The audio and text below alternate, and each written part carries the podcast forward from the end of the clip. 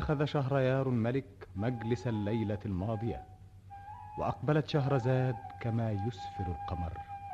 فمدت له مائدة السمر فجلس الملك إليها وأقبل إليها وهي تطرق قلبه المنهوم بصوتها الدافئ المنغوم.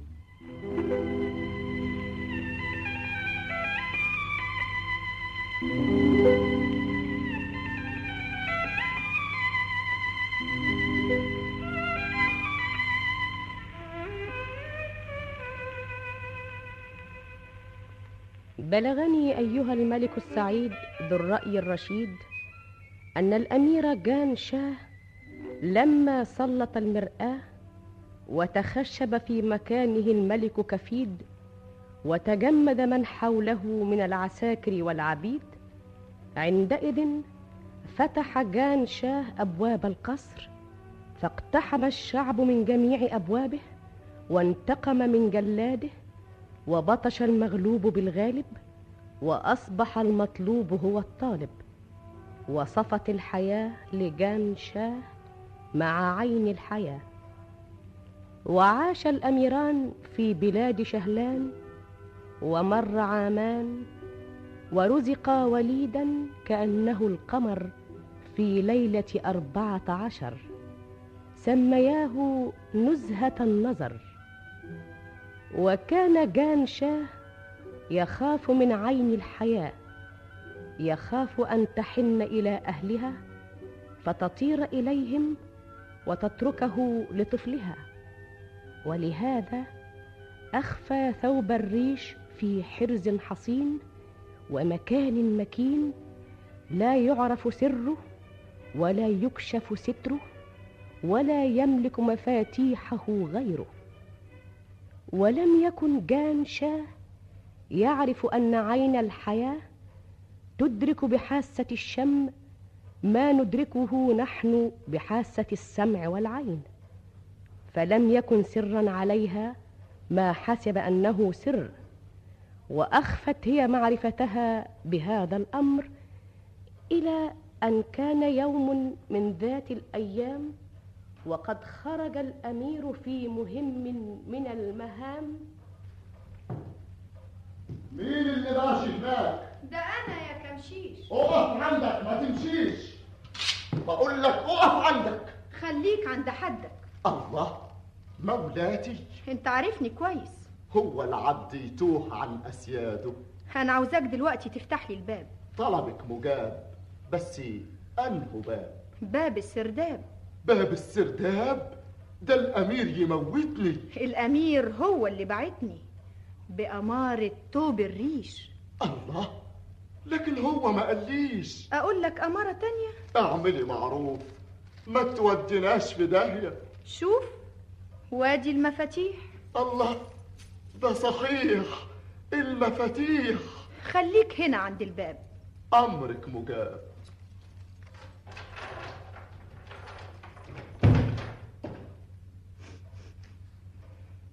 توب الريش أنا شماه. يا ترى فين خباه؟ أنا شم ريحته لكن مش شايفة صورته. هو هنا في السرداب يكونش في الدولاب. مخبيه فين؟ فين يا جنشاه؟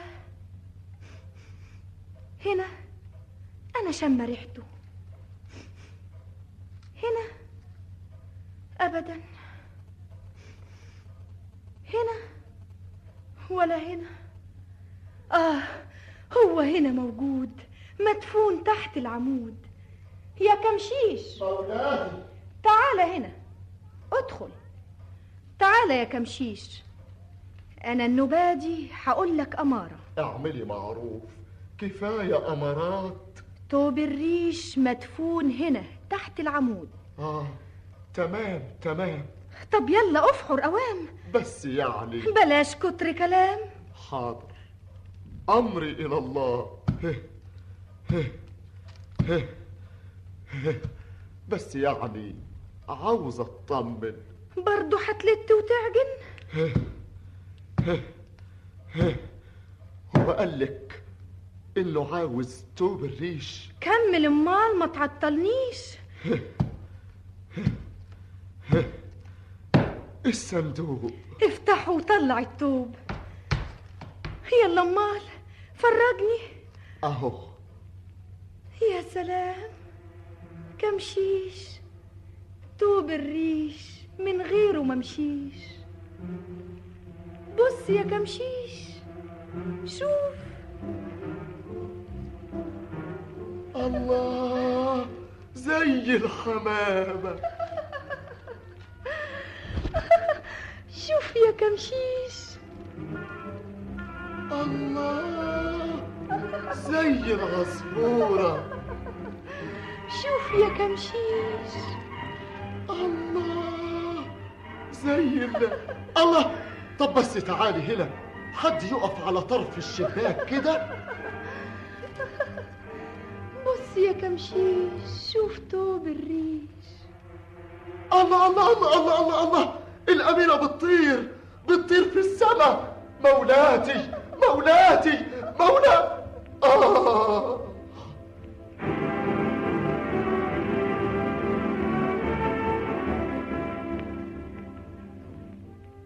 قولوا شاب جارك جار وطيرك طار. وإذا كنت بتهواه طير وراه. أنا هستناه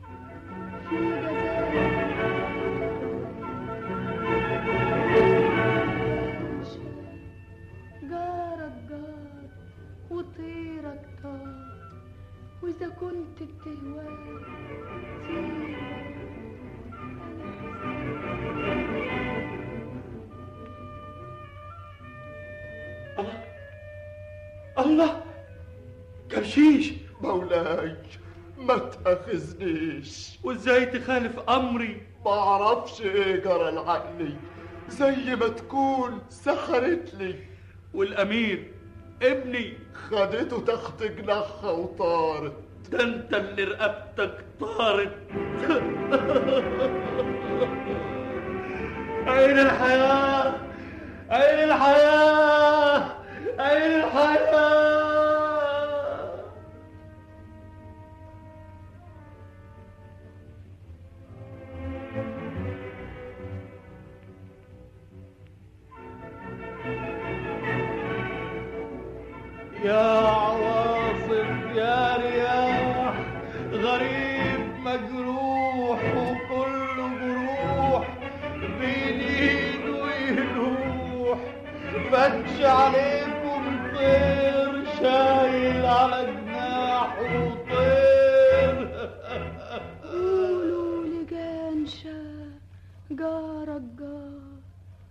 وطيرك طار الحياة الحياة؟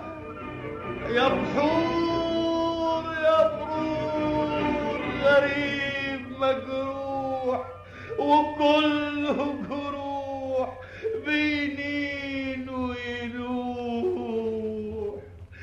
فتش عليكم طير شايل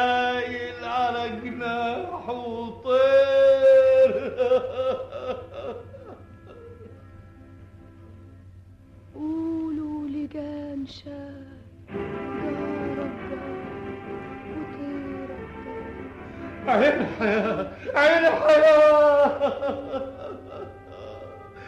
يا رعود يا غيوم. غريب مجروح وكله جروح. بينين وينوح. فتش عليكم طير شايل على جناحه. طير.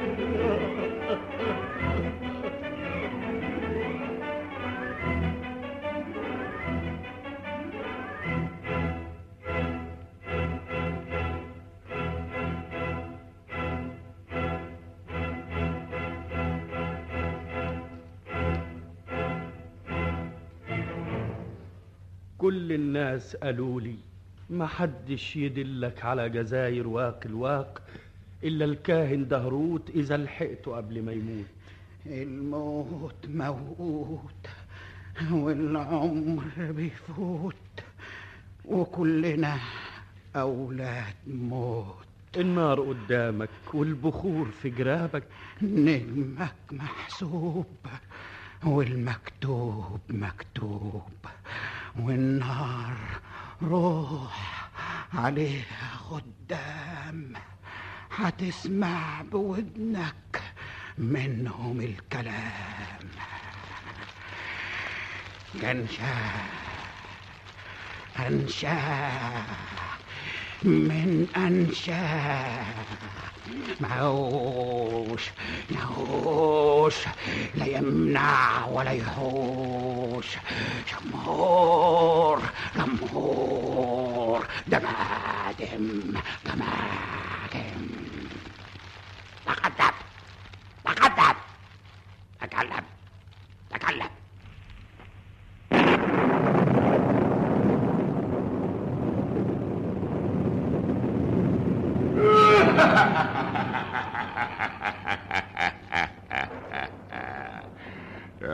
جنشاه يا ابن التراب إنك طلبتني بالسحر من بين السحاب. جزاير والواء مكانها سر ما يعرفوش إلا صاحب السر.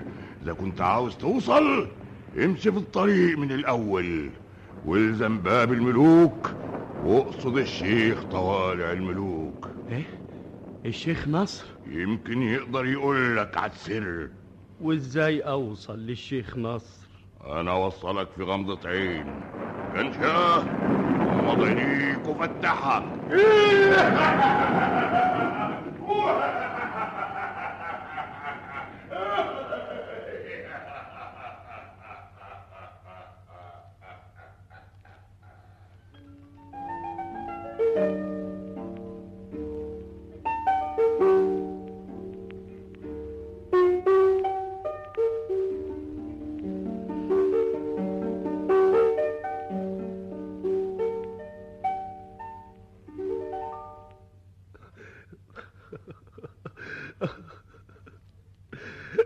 عم الشيخ نصر الله. جنشا عم الشيخ نصر أنا في حلم ولا في علم؟ الله الله. إيه؟ أنت بتعيط ليه؟ حصل إيه؟ أ- وإيه اللي جابك؟ وعرفت تيجي إزاي؟ احكي لي يا جنشا وحكى له جانشاه كيف هربت عين الحياة؟ وذكر له كيف حمله العفريت الذي حضره دهروت إلى جزيرته ليدله على جزائر محبوبته وبلاد زوجته. فقال له الشيخ نصر اسمع يا جانشاه مولاه. وهنا أدرك شهرزاد الصباح فسكتت عن الكلام المباح وبهذا تنتهي الحلقة السابعة والثلاثون من ليالي ألف ليلة يكتبها طاهر أبو فاشا ويخرجها محمد كانت محمود الحلقة شعبان. الثامنة والثلاثون وفيها الليلة التالية اتخذ شهريار الملك مجلس الليلة الماضية وأقبلت شهرزاد في ثوب شفيف وخطو خفيف فأسدلت الستائر وأصلحت النار في المجامر فعبق المخدع بالبخور والند والكافور ثم أشارت أجمل إشارة وقالت بأفصح عبارة.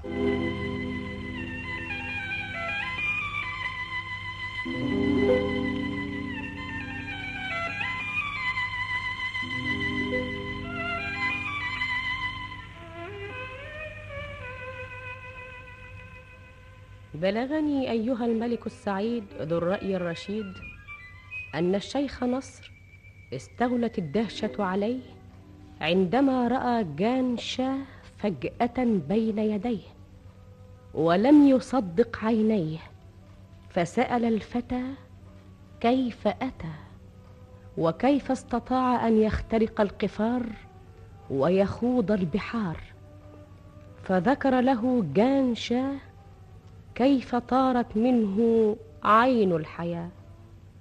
وذكر له ما قاله الكاهن دهروت وكيف استحضر له العفريت فحمله إلى الشيخ طوالع الملوك في جزيرته ليدله على الطريق إلى جزائر محبوبته ويساعده على رد زوجته.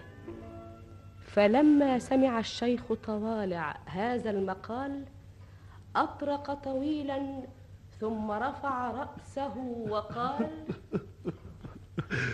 ما تبكيش يا غنشاه خلي أمانك بالله. عم الشيخ نصر أنت أفضلك عليا ملهاش حصر ده أنت شرفت الجزيرة ونورت القصر.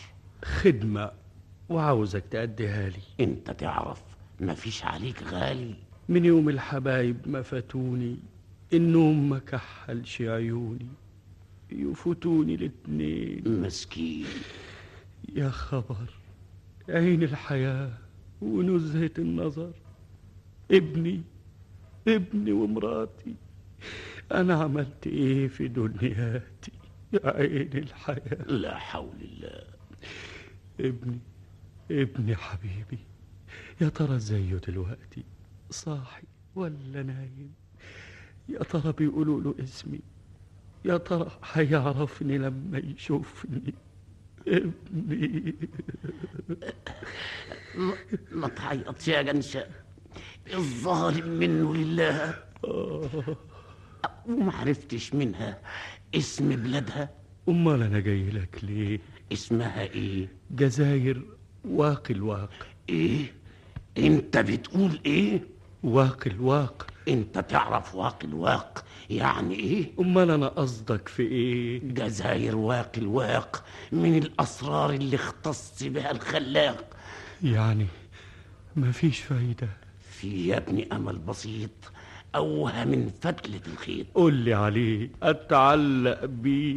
مفيش غير طير الجزاير اللي على البحور داير. والطير ده يعرف فين جزاير واقي الواقع وإن ما كانش طير الجزاير يعرفها يبقى مفيش حد يعرفها طب يلا بينا. انت ساكت ليه؟ أعمل إيه؟ تخليني أقابل طير الجزاير اللي على البحور داير يدلني على جزاير واقي الواق ويوديني لابني وأشوف عين الحياة تاني. آه ياني إيه؟ أنت نسيت يا جنشاه ولا عقلك تاه؟ نسيت إيه؟ أنت ما تعرفش إن الطيور ما تجيش هنا إلا مرة واحدة كل سنة. آه والعمل. العمل عمل ربنا. أنت تقعد معايا للسنة الجاية. دي حكاية ملهاش نهاية. اسمع يا جنشاه الصبر طبيب وفرج ربنا قريب وان صبرت أمر الله نافذ. وإن صبرت أمر الله نافذ. وإيه بإيد العاجز؟ كل شيء جايز. أمرك يا عم الشيخ نصر. الأمر لله يا ابني. أنت تقعد معايا تونسني كلها خمس شهور وتطلع الزهور وتيجي الطيور في عيد الطيور.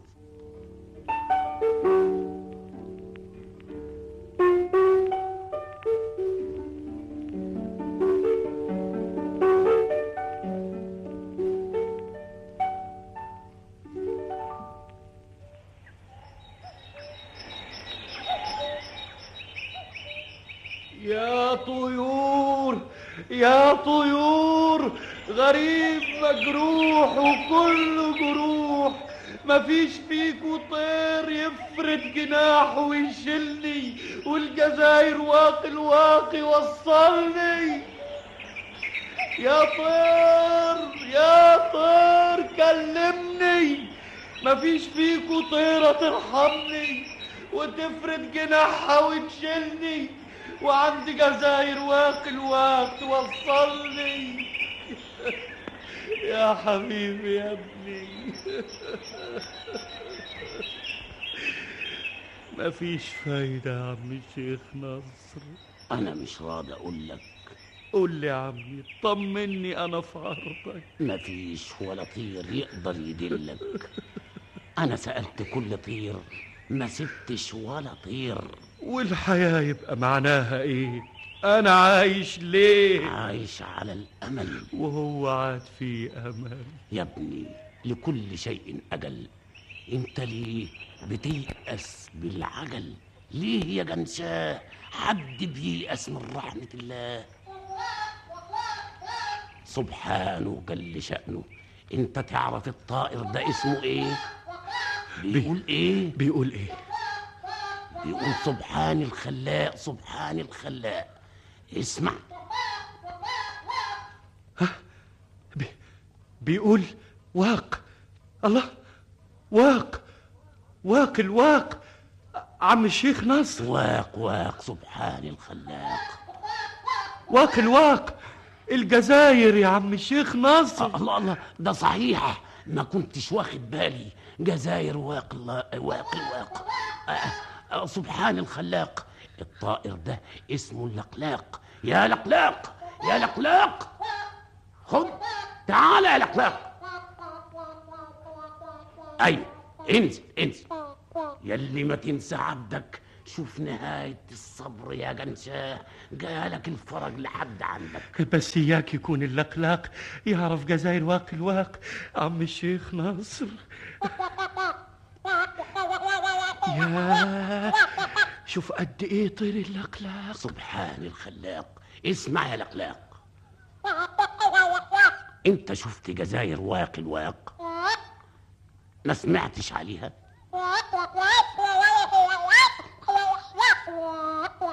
ده كلام طيب. ما قالوا لكش تبقى فين؟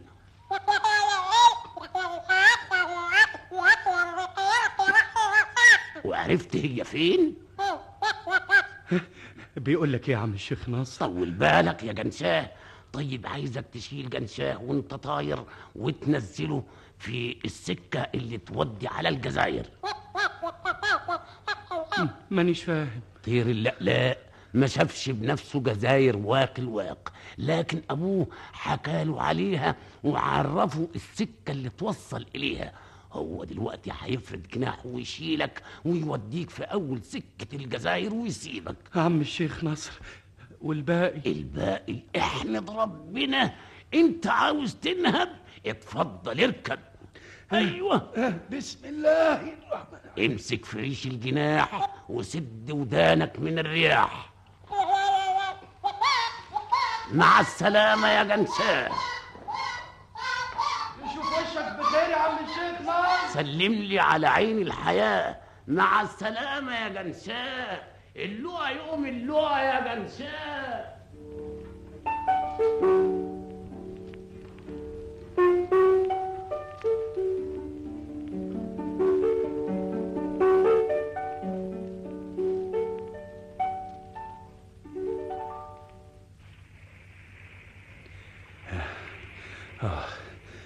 هي دي جزاير واق الواق أروح فين؟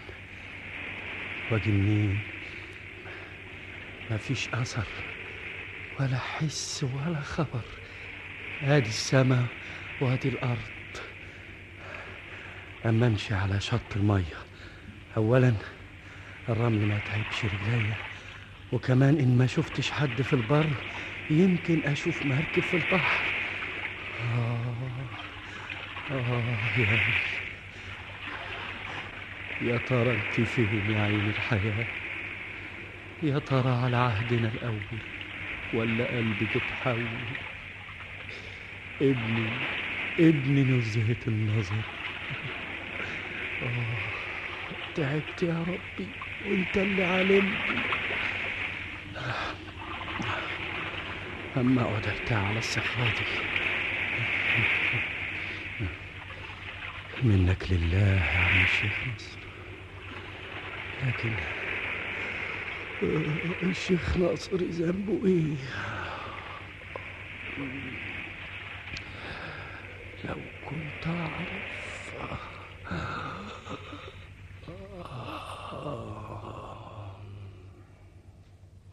وغالب النوم الفتى فأسلم عينيه لسلطان الكرى. ولم يدري كم من الوقت قضاه نائما ولكن أصواتا تناهت إلى سمعه فانتبه خائفا وفتح عينيه ونظر حواليه فإذا الليل يبسط على الوجود جناحيه ووصل إلى سمعه أصوات وانتهت إليه ضحكات وإذا بنات من عرائس الماء أجسامهن من النور والهواء. قد انشق عنهن البحر وطلعن إلى البر فاقترب منهن وتقدم من إحداهن. مولاي. وهنا أدرك شهرزاد الصباح فسكتت عن الكلام المباح. وبهذا تنتهي الحلقة الثامنة والثلاثون من ليالي ألف ليلة.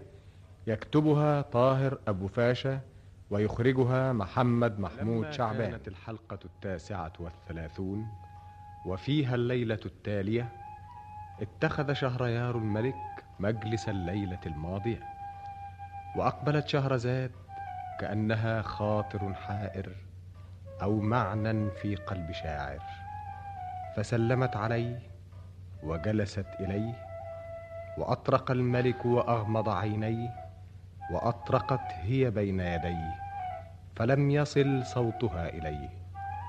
فأنكر الملك ورفع رأسه إليها فإذا دموع تجول في عينيها وسحابة خفيفة من الحزن تحوم عليها فأشفق الملك على نفسه منها واتجه إليها. شهرزاد. مولاي. ماذا بك يا حبيبة الفؤاد؟ ماذا؟ أي شيء يبكيك يا منية النفس؟ حدثيني. لا لا هاتان العينان لم تخلقا للبكاء.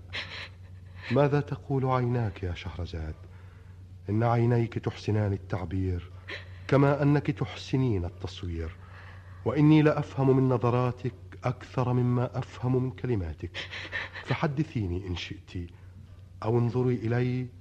أقرأ في عينيك خبيئة نفسك يا شهرزاد مولاي. ما رأيتك باكية قبل الليلة يا شهرزاد ماذا يبكيك يا حبيبتي؟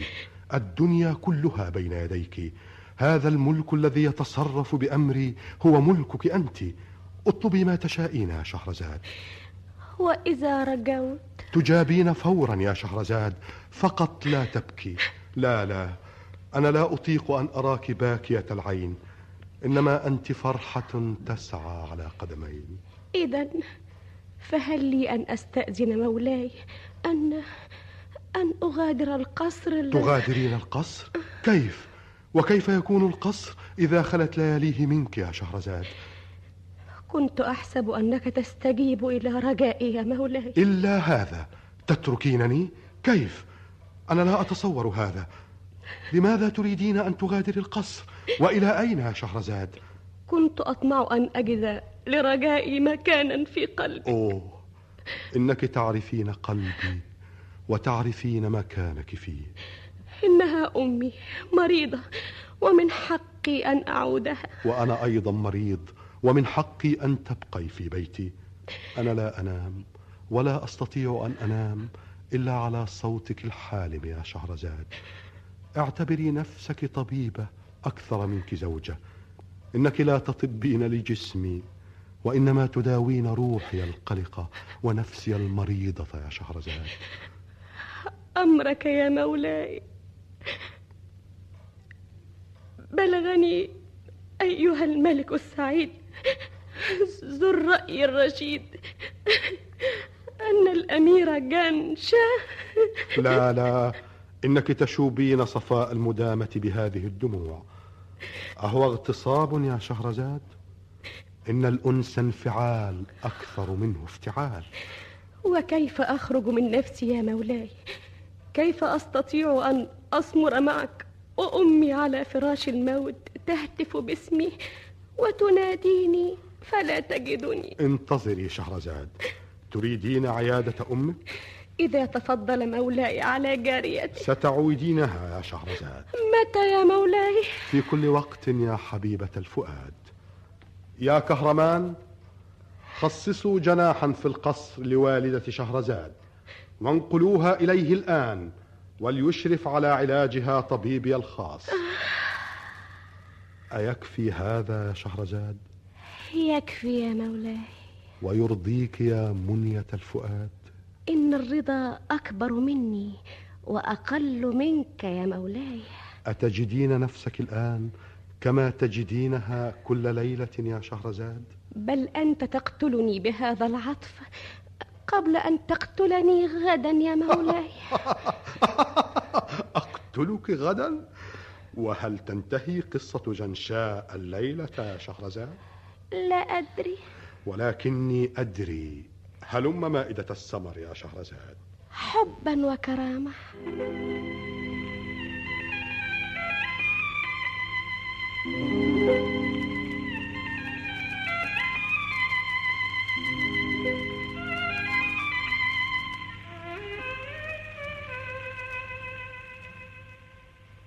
بلغني أيها الملك السعيد ذو الرأي الرشيد أن الأمير جان شاه لما حمله طائر اللقلاق إلى جزائر واق الواق ولم ير جان شاه في هذه الجزائر أثرا للحياة فظل يمشي على الشاطئ حتى انتهى إلى حجر ناتئ فنام من شدة الجهد والتعب. وبينما هو نائم وصلت إلى سمعه أصوات تقترب فقام من نومه وهو مرتعب وفتح الفتى عينيه ونظر حواليه. فإذا الليل قد بسط على الدنيا جناحيه وإذا بنات من عرائس الماء قد خرجن من الماء وأخذن في الرقص والغناء فاقترب منهن وتقدم من إحداهن. آه آه، تسمحي من فضلك يا أنت مين؟ وإيه اللي جابك جزيرة النساء يا مسكين؟ غريب الأهل والديار. إيه اللي جابك يا غدار؟ اللي جابني الجار اللي جار والطير اللي طار. أنت كمان بتتكلم في الأسرار. طيب آه، طيب ما ما تأخذنيش أنا عاوز أقول. وكمان عاوز تقول. ده شيء من ورا العقول. إيه هو اللي من ورا العقول؟ مش معقول. اللي هو إيه؟ أنت جنسك إيه؟ آه، أنا مش فاهم أنت بتعملي كده ليه؟ ابعد ابعد عني. أنا حصل حاجة مني. أنت إزاي تشوفني؟ ودي فيها إيه يعني؟ وكمان بتكلمني يا أخوانا أنا بسأل سؤال. ده أنت حالك حال. ليه بس يا بنت الحلال؟ أنا أوريك إزاي تشوف بنات الجان. نينا! نينا! سوسة الله. نينا سوسة الله الله الله. فانيا. سوري الله إيه يا سوسة الله الله إيه. مالك يا سوسة تعالوا الحقوني؟ إيه يا سوسة الانس ده لمسني لمسك؟ دي حاجة عمرها ما حصلت. دي حاجة فظيعة. واللي عمل يا بنات الجان أنا في جزيرة ولا في مرستان؟ أنتوا مستنيين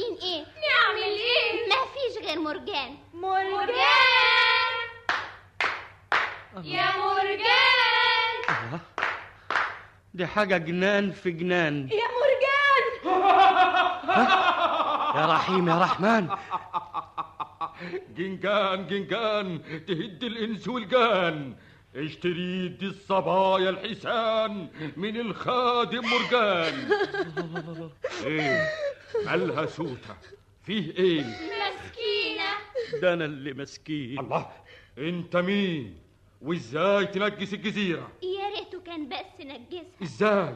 مسكينة سوتة مالها؟ لمسها. كمان؟ يا سيدنا سليمان إزاي تلمسها؟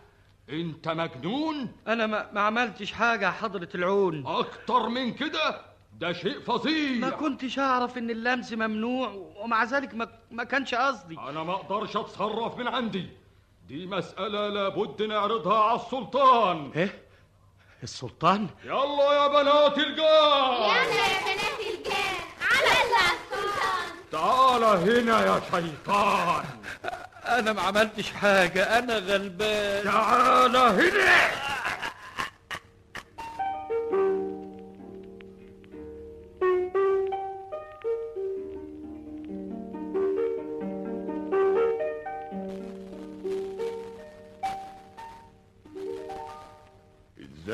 الكلام ده يا مرجان. ده اللي حصل وكان. ده شيء فظيع. ده شيء مريع. يا مغيث يا حفيظ فين الإنس ده؟ أنا أنا. إزاي تنجس الجزيرة وتوقعنا كلنا في حيره وسوته المسكينة؟ إزاي تلمسها وتكتم أنفاسها؟ أنا. سوته لمسك ولا لا. لمسني انتهى. خدوها وشنوها يشنقوها وانت كمان. يلا يا مرجان. الله أنا إيه؟ أيدوا إيديه ورجليه وخدوه قطعوه يقطعوني؟ وقبل ما تشوفوا معاه شغلكم خدوا اسمه عندكم. أنا أنا ما عملتش حاجة والله. اسمك إيه؟ أنا مظلوم مظلوم. اسمك إيه؟ ما ترد عليه. اسمك إيه؟ اسمي اسمي جان شاه إيه؟ إيه؟ بتقول اسمك إيه؟ جان شاه جنشاه آه جان شاه دي فيها حاجة أخرى كمان. دي فيها حاجات. طب ودي ذنبي فيها إيه؟ فكوه من قيوده ها؟ وخلصوه من حديده. ها؟ الإنس ده مش غريب عننا ده مننا. الله. تبقى الجزيرة ما تنجستش وتبقى سوتا ما اتلمستش. يا ربي. هاتوا عين الحياة. إيه؟ عين الحياة؟ أيوه عين الحياة. أنت ما تعرفنيش يا جنشاه لا يعلم الغيب إلا الله. أنا شهلان. سلطان سلاطين الجان؟ وبنتي عين الحياة. إزيك يا جنشاه دخلوها. الله عين الحياة. عين الحياة. فين نزهة النظر ابني؟ ابني عين الحياة كلميني. طمنيني. اطمن يا جنشاه ابنك بخير. الله وعاملين فيها كده ليه؟ أنتم مأيدين عين الحياة ليه؟ أنا هقول لك مأيدينها ليه. وبدأ الملك شهلان يحكي لجنشاه لماذا قيدوا عين الحياة؟ وجانشاه يصغي إليه وهو مذهول والملك شهلان يحكي ويقول أي مولاي. وهنا أدرك شهرزاد الصباح فسكتت عن الكلام المباح. وبهذا تنتهي الحلقة التاسعة والثلاثون من ليالي ألف ليلة يكتبها طاهر أبو فاشا ويخرجها محمد لما كانت الحلقة. الأربعون وفيها الليلة التالية اتخذ شهريار الملك مجلس الليلة الماضية وقد استغرقته أحلام شهرزاد فاستبد به الشوق وزاد أحلام يراها في يقظته كما يراها في منامه ومثار خيالاته وأوهامه وليالي يعبر عليها القرون والأجيال ويواجه الأقدار والآجال. ونماذج من النفوس في حديثها المهموس كأنه رشفات الكؤوس. فلما كانت هذه الليلة صعد الملك إليها وسلم عليها وجعل يعاقر حديثها الموصول ويصغي لها وهي تقول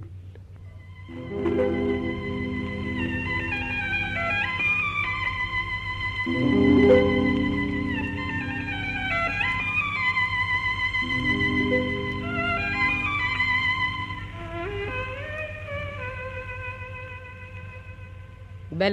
أيها الملك السعيد ذو الرأي الرشيد أن جان شاه لم يكن أقل دهشة من الملك شهلان فلم يكن الفتى يتصور أنه يكلم حماه والد زوجته عين الحياة. كما أن الملك شهلان لم يكن يتصور أن المذنب الذي يقف أمامه والذي رأى قتله وإعدامه إنما هو جان شاه زوج ابنته عين الحياة. فلما فجأتهما هذه الحقيقة كانت دهشتهما عميقة.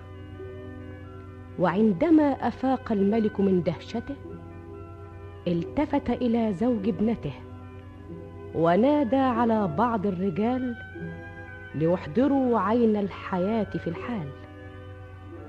فكاد يطير من الفرحة جان شاه فقد رجع له ولده وعادت له عين الحياة.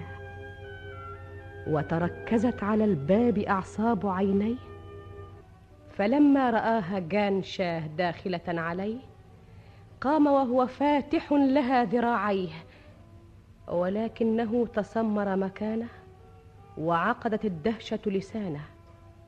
فقد رآها دامعة العينين مقيدة اليدين والرجلين وزبانية غلاظ شداد يدفعونها من قريب وللحديد في رجليها رنين رهيب.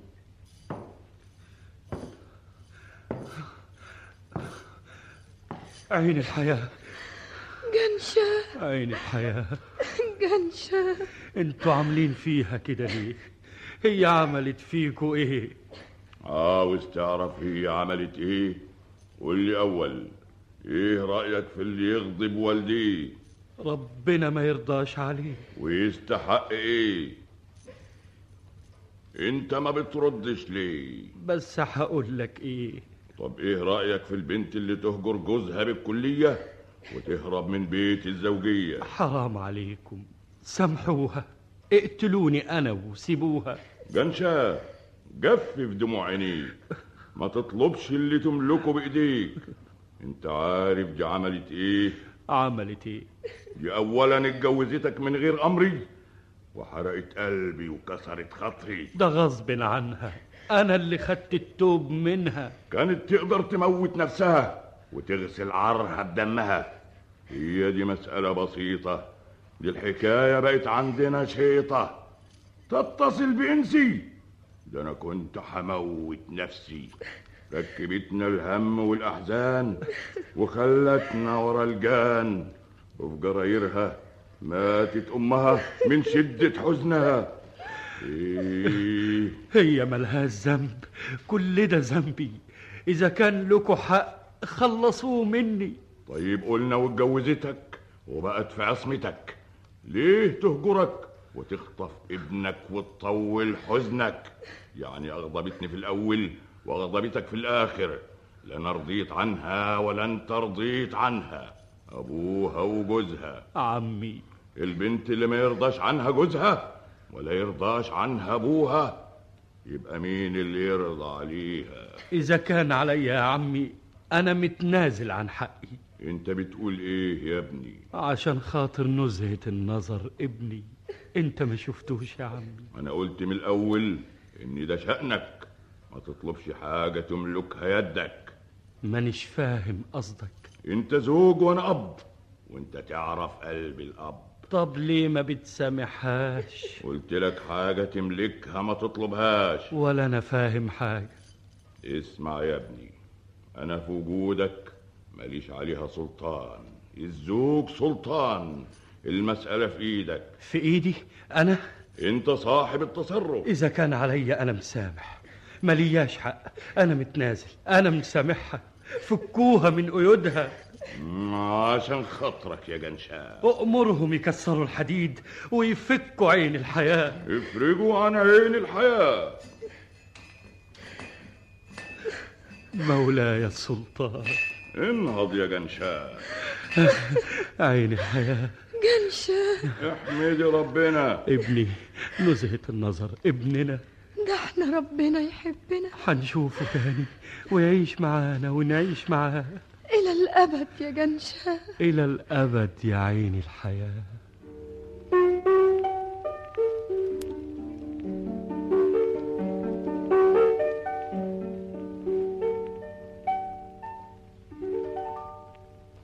ما هو كان بدري. لسه ما شبعناش منك يا ابني. بقالي معاكوا سنة يا عمي. وتقول ما شبعتش مني. الحبايب ما يتشبعش منهم. أهلي وحشوني ونفسي أشوفهم. على كل حال ما أقدرش أمنعك عن أهلك. أنت قلت لي قبل السفر تجيني لوحدك. النهاردة السفر يا عمي وأديني جيت لك لوحدي. وفيت بعهدك ولسه هوفي لك بعهدي. قوم اقفل علينا الباب. أقفل الباب؟ مم. ليه؟ قوم أول بعدين هتعرف ليه. إيه العبد في التفكير والرب في التدبير. بالمفتاح بالمفتاح يا ابني. للدرجة دي يا عمي؟ وأكتر من كده يا ابني. ها؟ الله صوتك ماله. السر اللي هتشوفه دلوقت محدش شافه. سر إيه؟ تعالى. أجي فين؟ شوف. إيه؟ إيه ده؟ ده بير. ليه؟ بص للبير ده. فيه إيه؟ في مية. مية. شايفها بعينيا وأقدر أطولها بإيديا. شوف يا جنشاه بص. الله الله الله. المية بتنزل في البير. شوف. كل ما تنزل إيدك تنزل. شوف. الله رجعت تاني. شوف. الله نزلت تاني عجيبة. لما تنزل إيدك المية تنزل في البير ولما تطلع إيدك المية ترجع للبير. دي حاجة تخلي عقل الواحد يطير. مفيش حد موجود في الوجود يطول المية دي غيرك املى منها حفانك ومد إيدك. أهو. اشرب بسم الله. بسم الله. املى إيدك مرة تانية. اهو. فرغها في ايديا. الله راحت فين المية شفت إزاي؟ أنا مش فاهم يا مولاي. دي مية المحياة. مية المحياة؟ آه واللي يشرب منها ما عادش يموت. لكن أنا أنا شربت منها. الخلود. يعني ما عنتش حموت؟ ولا يجوز عليك موت إلا يوم الملكوت. حاجة عجيبة. اسمع اللي أعجب. أعجب من كده؟ المية دي اسمها مية المحياة والبير ده اسمه عين الحياة. عين الحياة؟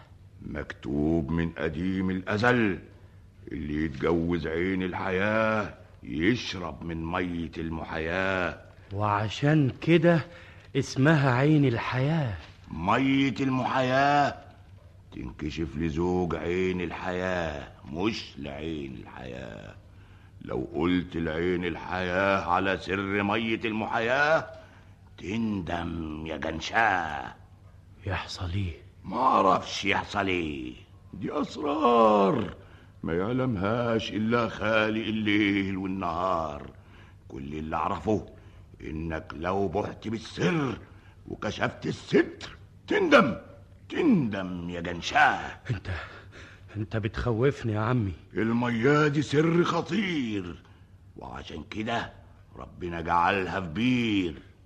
ويعلم يا جنشاه إن عين الحياة مسلط عليها أرواح سفلية تخليها تجري ورا سر المية من غير إرادة ومن غير ما تعرف هي. انت انت انت بتخوفني. ليه خلتني اشرب منها؟ لحسن اغلط واحكي لها. أنا بوصيك. يمكن هي تغريك. اوعى يا جنشاه يضحك القدر ويحصل الضرر. أنا الوقت هسيبك وانت ونصيبك. مع السلامة يا جنشاه. وصفق الملك شهلان فحضر الخادم مرجان. فقرأ الملك قسم سليمان وقال للخادم كن حصانا فكان وإذا الخادم مرجان حصان له جناحان. فركب الحبيبان وطار بهما الحصان حتى غابوا عن الأنظار وداروا مع الفلك الدوار وبينما هم في هذه المولاي وهنا أدرك شهرزاد الصباح فسكتت عن الكلام المباح. وبهذا تنتهي الحلقة الأربعون من ليالي ألف ليلة يكتبها طاهر أبو فاشا ويخرجها محمد محمود ولما شعبان. كانت الحلقة الحادية والأربعون وفيها الليلة التالية اتخذ الملك شهريار مجلس الليلة الماضية وأقبلت شهرزاد في نفس الميعاد فصفت الأكواب وصبت الشراب وشعشعت المدام واستأنفت الكلام.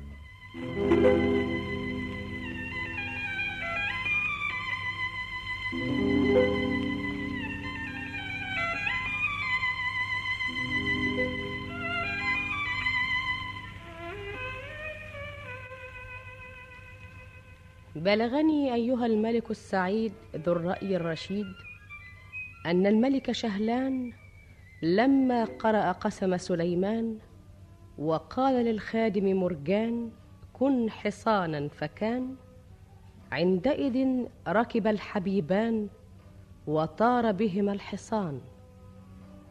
كل ذلك يا مولاي مما يرويه جانشاه عن نفسه لبلوكيس.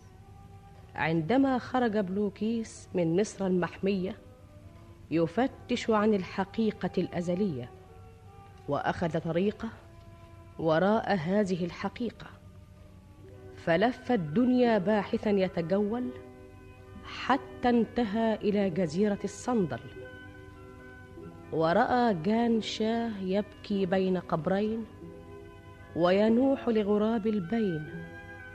فسأله عن سبب بكاه فروى له هذه القصة جان شاه وكان مما قال أن الخادم مرجان لما انقلب إلى حصان له جناحان ركب على ظهره الحبيبان جان شاه وعين الحياة ومعهما ولدهما نزهة النظر نجم بين شمس وقمر.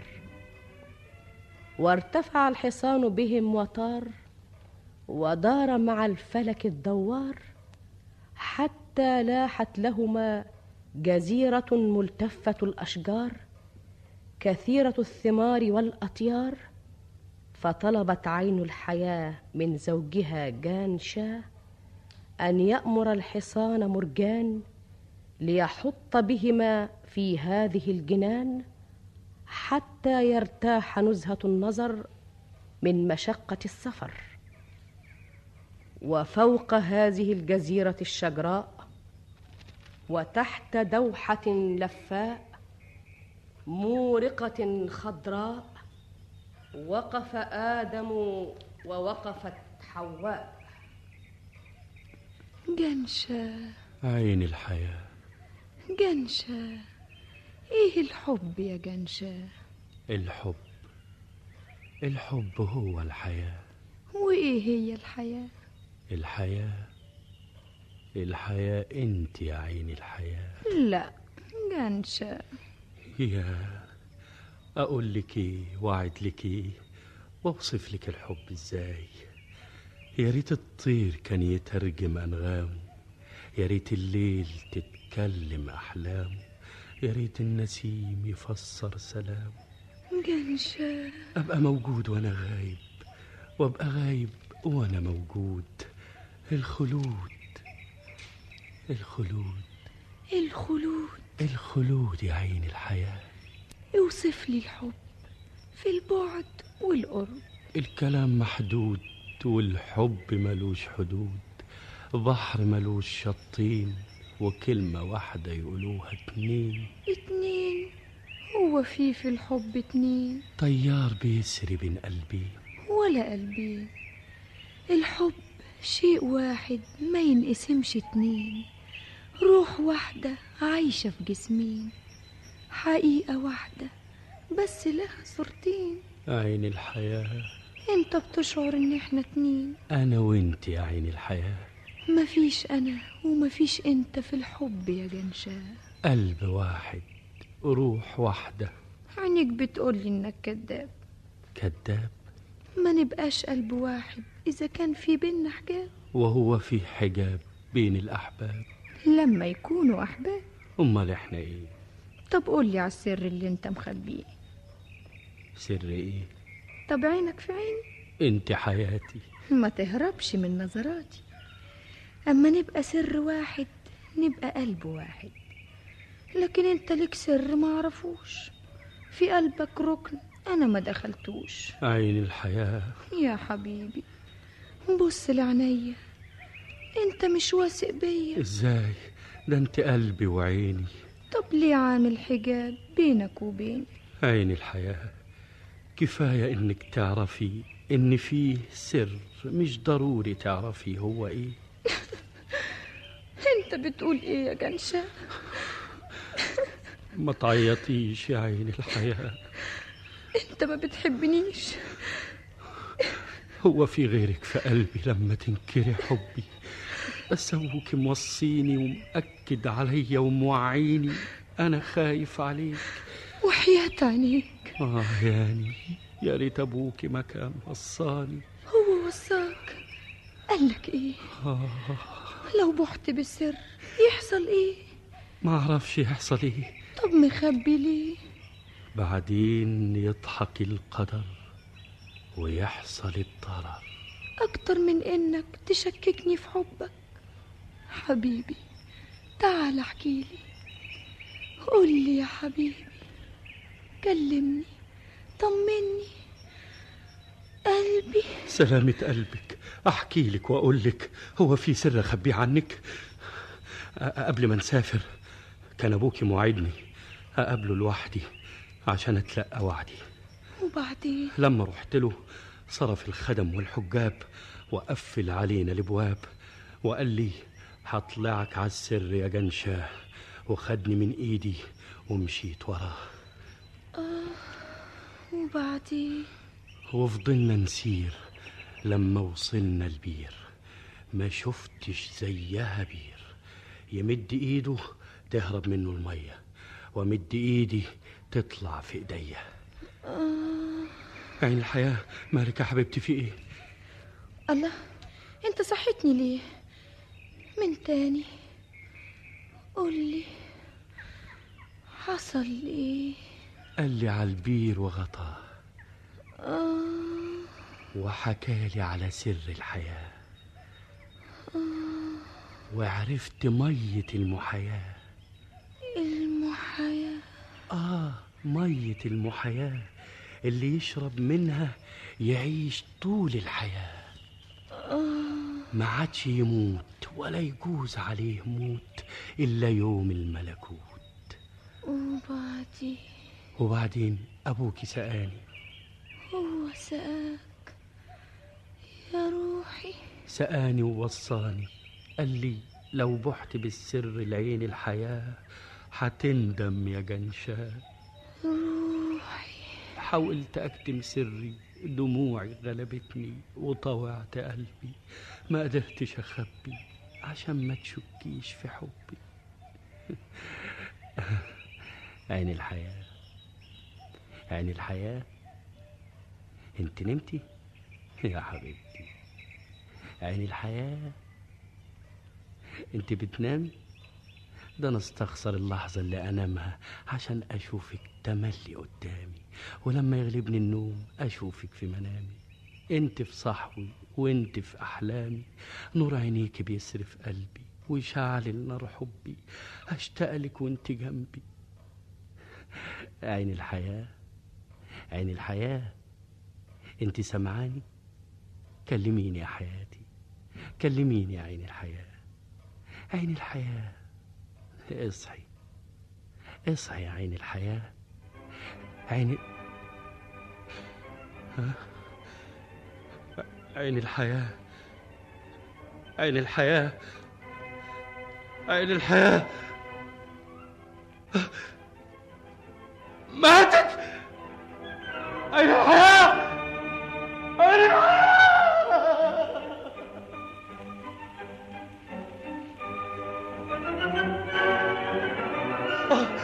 مرجان مرجان الحصان مرجان خطف نزهة النظر وطار ابني ابني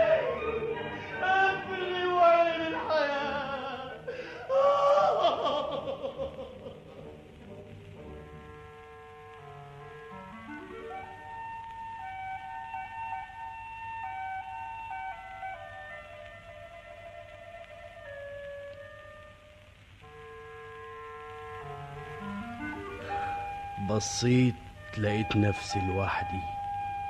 مرجان خطف ابني وطار على جده الملك شهلان. ولقيت نفسي لوحدي لا إنسان ولا حيوان. مفيش معايا في الجزيرة غير جثة عين الحياة. قمت بنيت لها قبر وبنيت لنفسي قبر. وقعدت بين القبرين أبكي لغراب البين وبقالك على الحالة دي كتير يا جنشة ألف سنة يا بلوكيس يا ألف سنة. ألف سنة.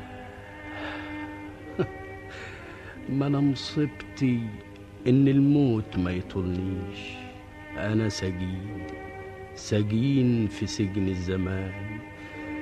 جزاته على الله الملك شهلان. سقاني مية المحياة. وخلاني للندم طول الحياة. لا حول الله. الناس تفتش عن الحياة وتفر من الموت وأنا فتش على الموت وفر من الحياة. ابن آدم كده اللي ما تملكوش إيديه يموت نفسه عليه. أنا أنا مش قادر أقول لك إيه. أقدر أسألك سؤال. حالك يغني عن سؤالك. أنا خلاص عاوزك تدلني على الطريق. عاوز أرجع بلادي. أنا أنا وجدت الحقيقة الحقيقة. وجدتها فين؟ وجدتها هنا في قلبي في نفسي. أهو ده هو الطريق. إلزم طريقك وسير إليه. كل شيء يدلك عليه. واقصده تلقاه لا إله إلا الله.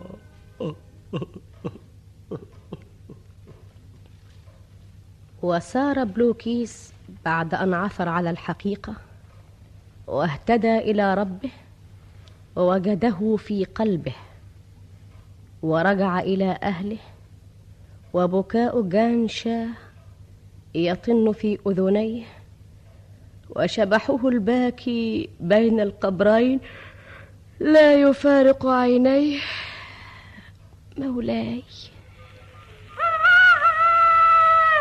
وهنا أدرك شهرزاد الصباح فسكتت عن الكلام المباح. وبهذا تنتهي الحلقة الحادية والأربعون من ليالي ألف ليلة يكتبها طاهر أبو فاشا ويخرجها محمد محمود شعبان.